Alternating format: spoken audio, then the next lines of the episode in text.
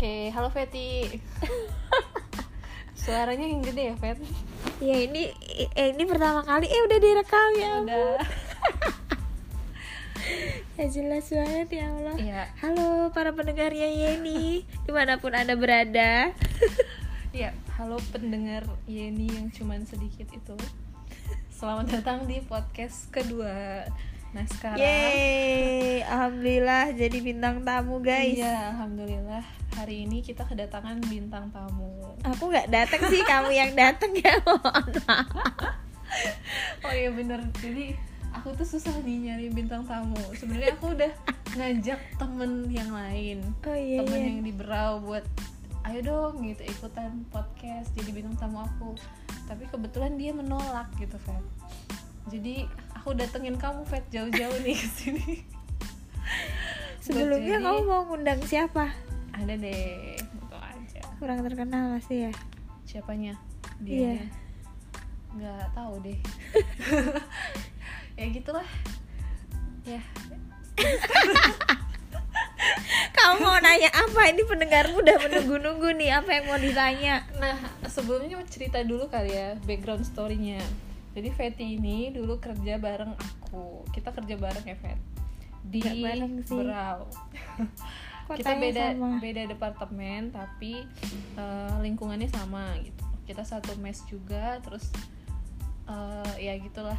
Satu pergaulan. Satu pergaulan juga. Karena isinya cuma itu itu aja sih emang ya. Ya betul.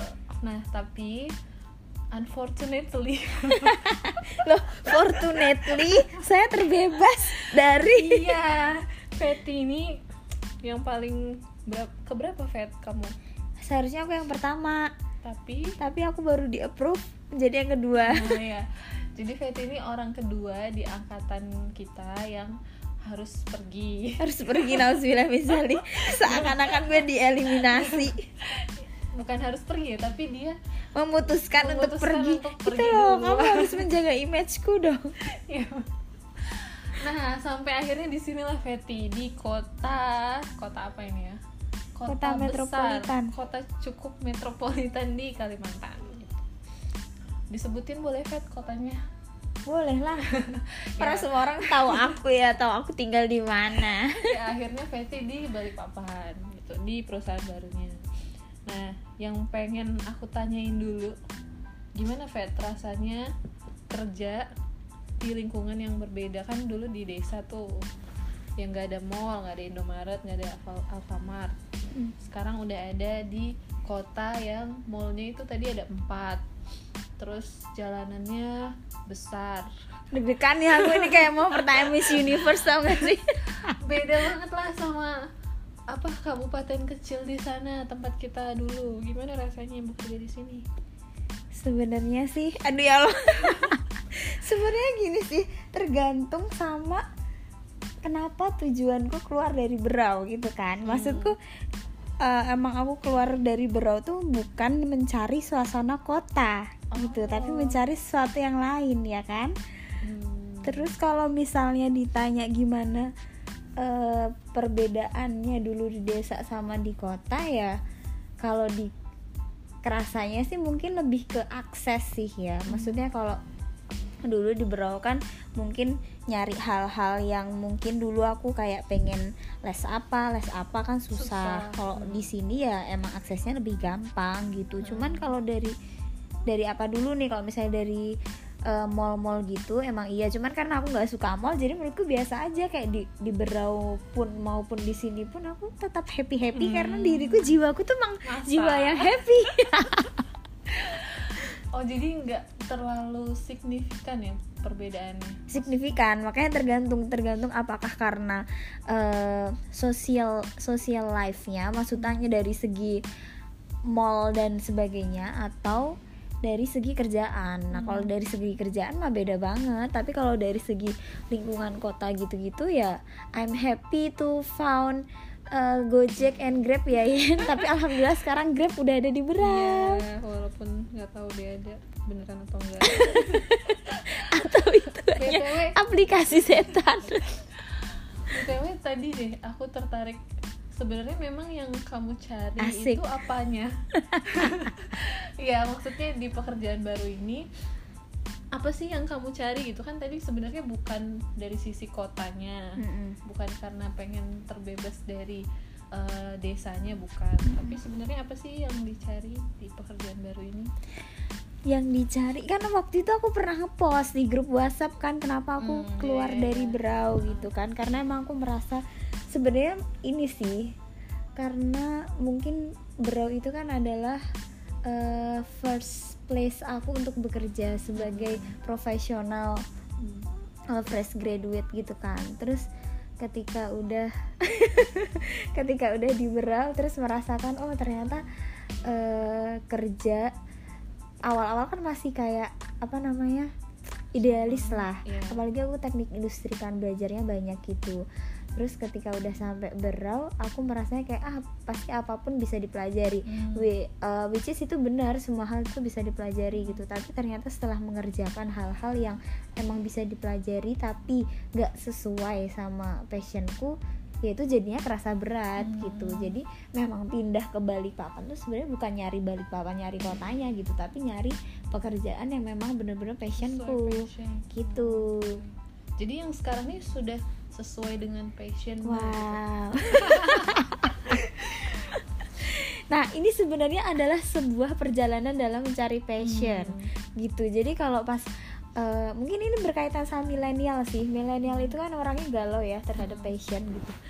Mung- Atau mungkin aku doang aku nggak ngerti. Cuman eh, ketika waktu aku dari Berau terus ke sini pas awal-awal tuh aku sangat sangat sangat semangat banget gitu di HR. Aku seneng banget di HR gitu. Nah, mungkin eh, ha- human resource itu adalah sat- salah satu dari sekian banyak passionku gitu. Hmm. Jadi kalau emang ditanya suka sama HR ya suka gitu.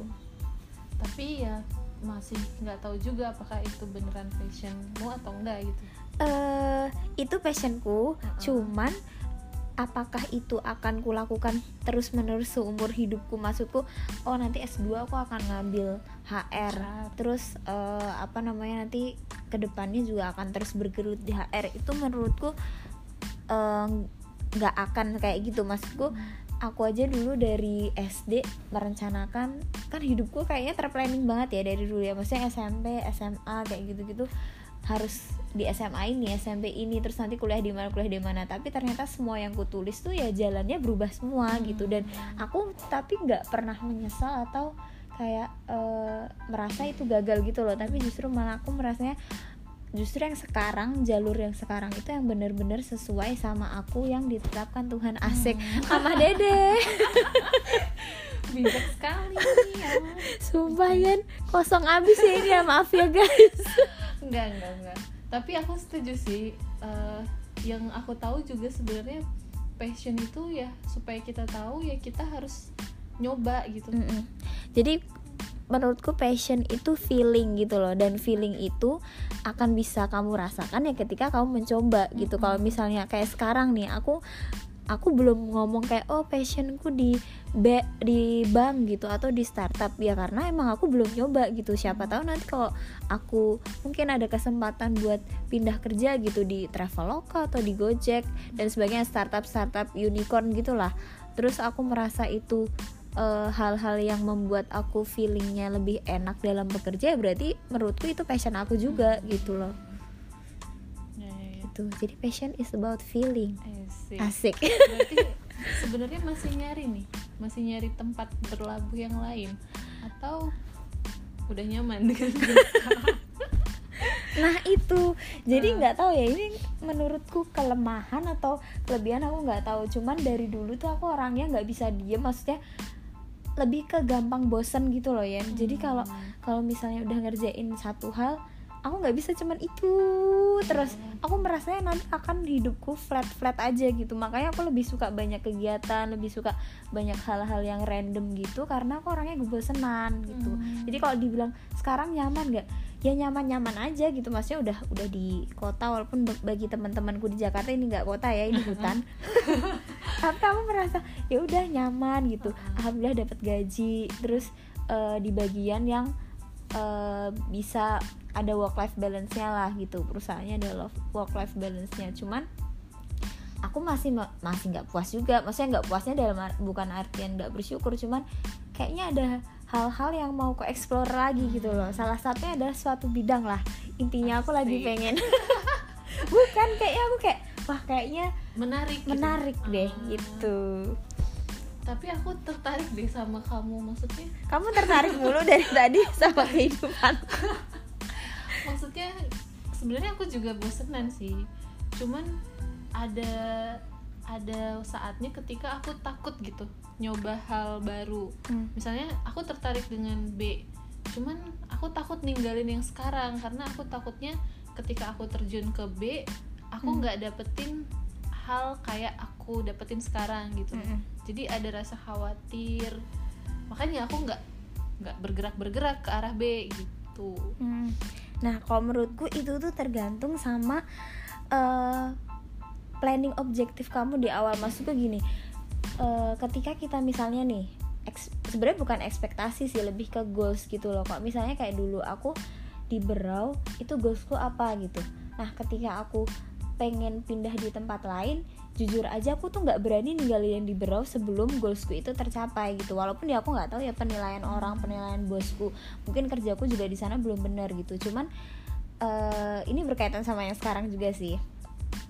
Eh, ketika aku mau pindah ke dari Berau ke Balikpapan aku tuh nggak langsung yang kayak aduh aku ini nggak passion terus aku tinggalin gitu tuh enggak tapi aku harus nyelesain project-project yang udah di assign ke aku. Intinya sih tanggung jawab gitu. Maksudnya goals yang ketika aku ekspektasiku ketika aku lulus terus aku pindah ke Berau adalah aku pengen mendapatkan exposure eh, langsung ke lapangan di bidang tambang yang notabene aku nol banget gitu loh ya terus habis itu keduanya adalah kan aku ditaruh di bagian supply chain.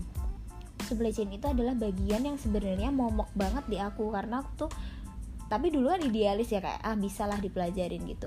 Tapi emang ternyata waktu dicemplungin di berau supply chain tuh susah banget gitu loh. Susah banget tapi nggak memungkinkan aku untuk ya nggak bisa gitu. Maksudnya sesusah apa pun itu kalau dipelajari bisa. pasti bisa gitu. Nah ketika aku eh, berkeputusan oh oke ternyata supply chain bisa aku pelajari gitu. Tapi setelah aku pelajari ternyata kok nggak masih nggak masuk nih. Kayaknya kok ketika aku mengerjakan tuh ada yang kurang aja gitu. Hmm. kalau ada yang lewat-lewat tentang human human gitu tentang manusia kok aku rasanya aduh pengen banget gitu. Ngebuka slide slide kuliah tentang human resource kok pe- kepengen banget gitu loh.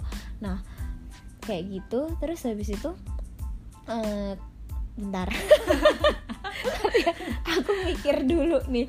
Goals jadi goals kamu sebenarnya udah tercapai gitu Uh-uh. pas di Berau jadi Udah ketika ketika goalsku udah bukan goalsku udah tercapai jadi kayak maksudnya tanggung jawabku udah terselesaikan Mm-mm. terus tujuan awalku setidaknya aku sudah ada yang di achieve gitulah Mm. Eh, goalsnya tuh nggak yang muluk-muluk kayak wah aku harus ngerjain proyek besar apa apa nggak maksudnya yang kayak aku udah di assign project ini ya ini setidaknya harus selesai lah gitu nah nah kalau misalnya kita mau berkeputusan untuk mengambil keputusan yang lain kita Mm-mm. berkeputusan untuk mengambil keputusan yang kesempatan yang lain kesempatan gitu. yang Ah. lain gitu jangan lupa kita sama Bisa. goals awal kita tadi gitu jadi ini sebenarnya aku cerita juga ya sebenarnya ketika aku pindah di Balikpapan dua bulan kemudian aku di offering dengan pekerjaan yang lebih bagus lagi Hmm. dengan pekerjaan yang gajinya dua kali lipat yang ada di sini terus tempatnya mungkin lebih nggak lebih kota sih sama aja.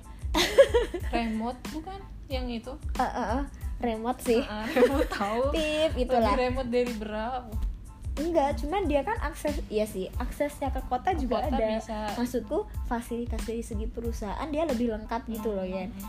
tapi aku balik lagi itu menurutku big decision sih ketika aku memilih enggak ah dengan uh, apa namanya penawaran yang bener-bener fantastis gitu lah menurutku. Maksudnya buat fresh grad ya lumayan gitu lah dengan posisi permanen dan sebagainya. Cuman aku balik lagi aku baru dua bulan gitu di assign di perusahaan baru di Balikpapan.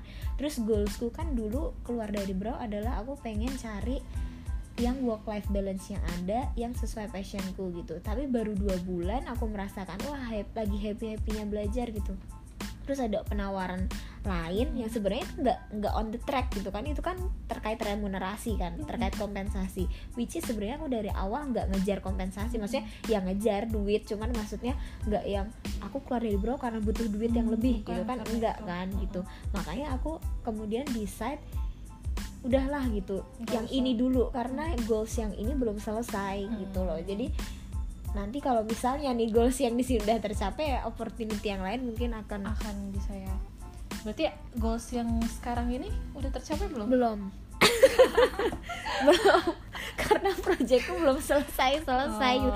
sebenarnya eh, apa namanya waktu di offering perusahaan X itulah setelah di sini itu aku aku kan nego kan. Kayak intinya ya udahlah aku bulan kapan lah gitu untuk eh, nerima itu. Tapi pas ku pikir kayaknya dengan waktu sesingkat itu aku belum bisa mencapai goals goalsku sebelumnya gitu loh. Masih banyak hal-hal yang belum aku pelajari belum aku serap di sini gitu.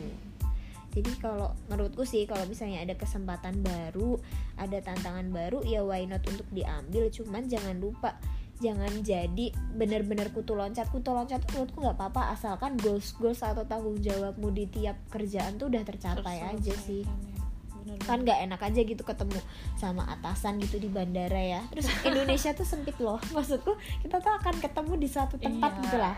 Apalagi ya kalau di bidang kita sekarang sih Mm-mm. kayaknya Sempit orang-orangnya banget, mirip-mirip itu-itu aja.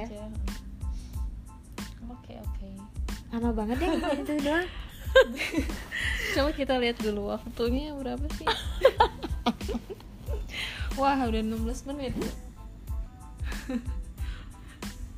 bisa di bisa di apa? Post bisa. Bisa. Mau di post eh eh nggak bisa di post maaf guys. Ya begitu. Ya udah gitu doang. Jadi gitu kesan-kesan Feti dan perasaan Feti setelah pindah dari kota kecil di ujung Kalimantan Timur dan sekarang sudah masih di Kalimantan Timur. Sudah ada di kota yang cukup besar lah lumayan daripada kota yang dulu. Ada yang mau diceritain lagi kak Fet mungkin nasihat-nasihat kali untuk orang-orang yang masih takut mengejar kesempatan yang baru nah ini ntar dikira ini lagi apa mengencourage orang-orang untuk resign Bukan kan juga sih maksudnya untuk orang-orang yang nggak berani beranjak dari zona nyaman gitu nah ya jadi kalau aku sih yang menurutku bahaya ya Mm-mm. setelah aku merasakan kehidupan di perantauan itu Mm-mm. adalah ketik gini kita kan keluar dari Pulau Jawa gitu khususnya orang-orang yang dari Pulau Jawa keluar lah itu kan kita pengen keluar dari zona nyaman kan? Mm-mm. kita pengen keluar dari zona nyaman pengen punya feels yang baru gitu. Cuman jangan lupa ketika kita udah pindah nih kayak aku pindah ke Kalimantan gitu. Tapi akan ada di suatu titik ketika Kalimantan itu juga nanti akan menjadi zona nyaman kamu gitu loh ya dan menurutku eh, luar Jawa itu juga zona nyamannya tuh benar-benar mengikat gitu. Maksudku ketika udah di Kalimantan nih yang orang-orang bilang gajinya ya pasti gajinya lebih gede daripada di Jawa karena kan terkait sama biaya hidup ya kayak gitu. Maksudnya ketika udah di Kalimantan terus jauh dari orang tua maksudnya nggak terkekang lah intinya. Terus hmm, apa namanya bisa ke mana-mana sendiri udah ada Hmm. uang sendiri gitu. Nah itu tuh jangan lupa kalau suatu saat ya itu tadi Kalimantan tuh akan menjadi zona nyaman kamu. Nah kalau misalnya kita udah merasa stagnan. Maksudku stagnan dalam hal pekerjaan atau apa pun coba cari hal yang lain yang bisa dieksplor lagi di situ gitu loh. Jangan cuman hmm, kepikirannya nih misalnya aku di sini aduh udah stagnan aku harus pindah kerjaan. Kayak gitu. Menurutku tuh sebenarnya kesalahanku di Berau adalah aku belum explore Berau di hal lain. Hmm.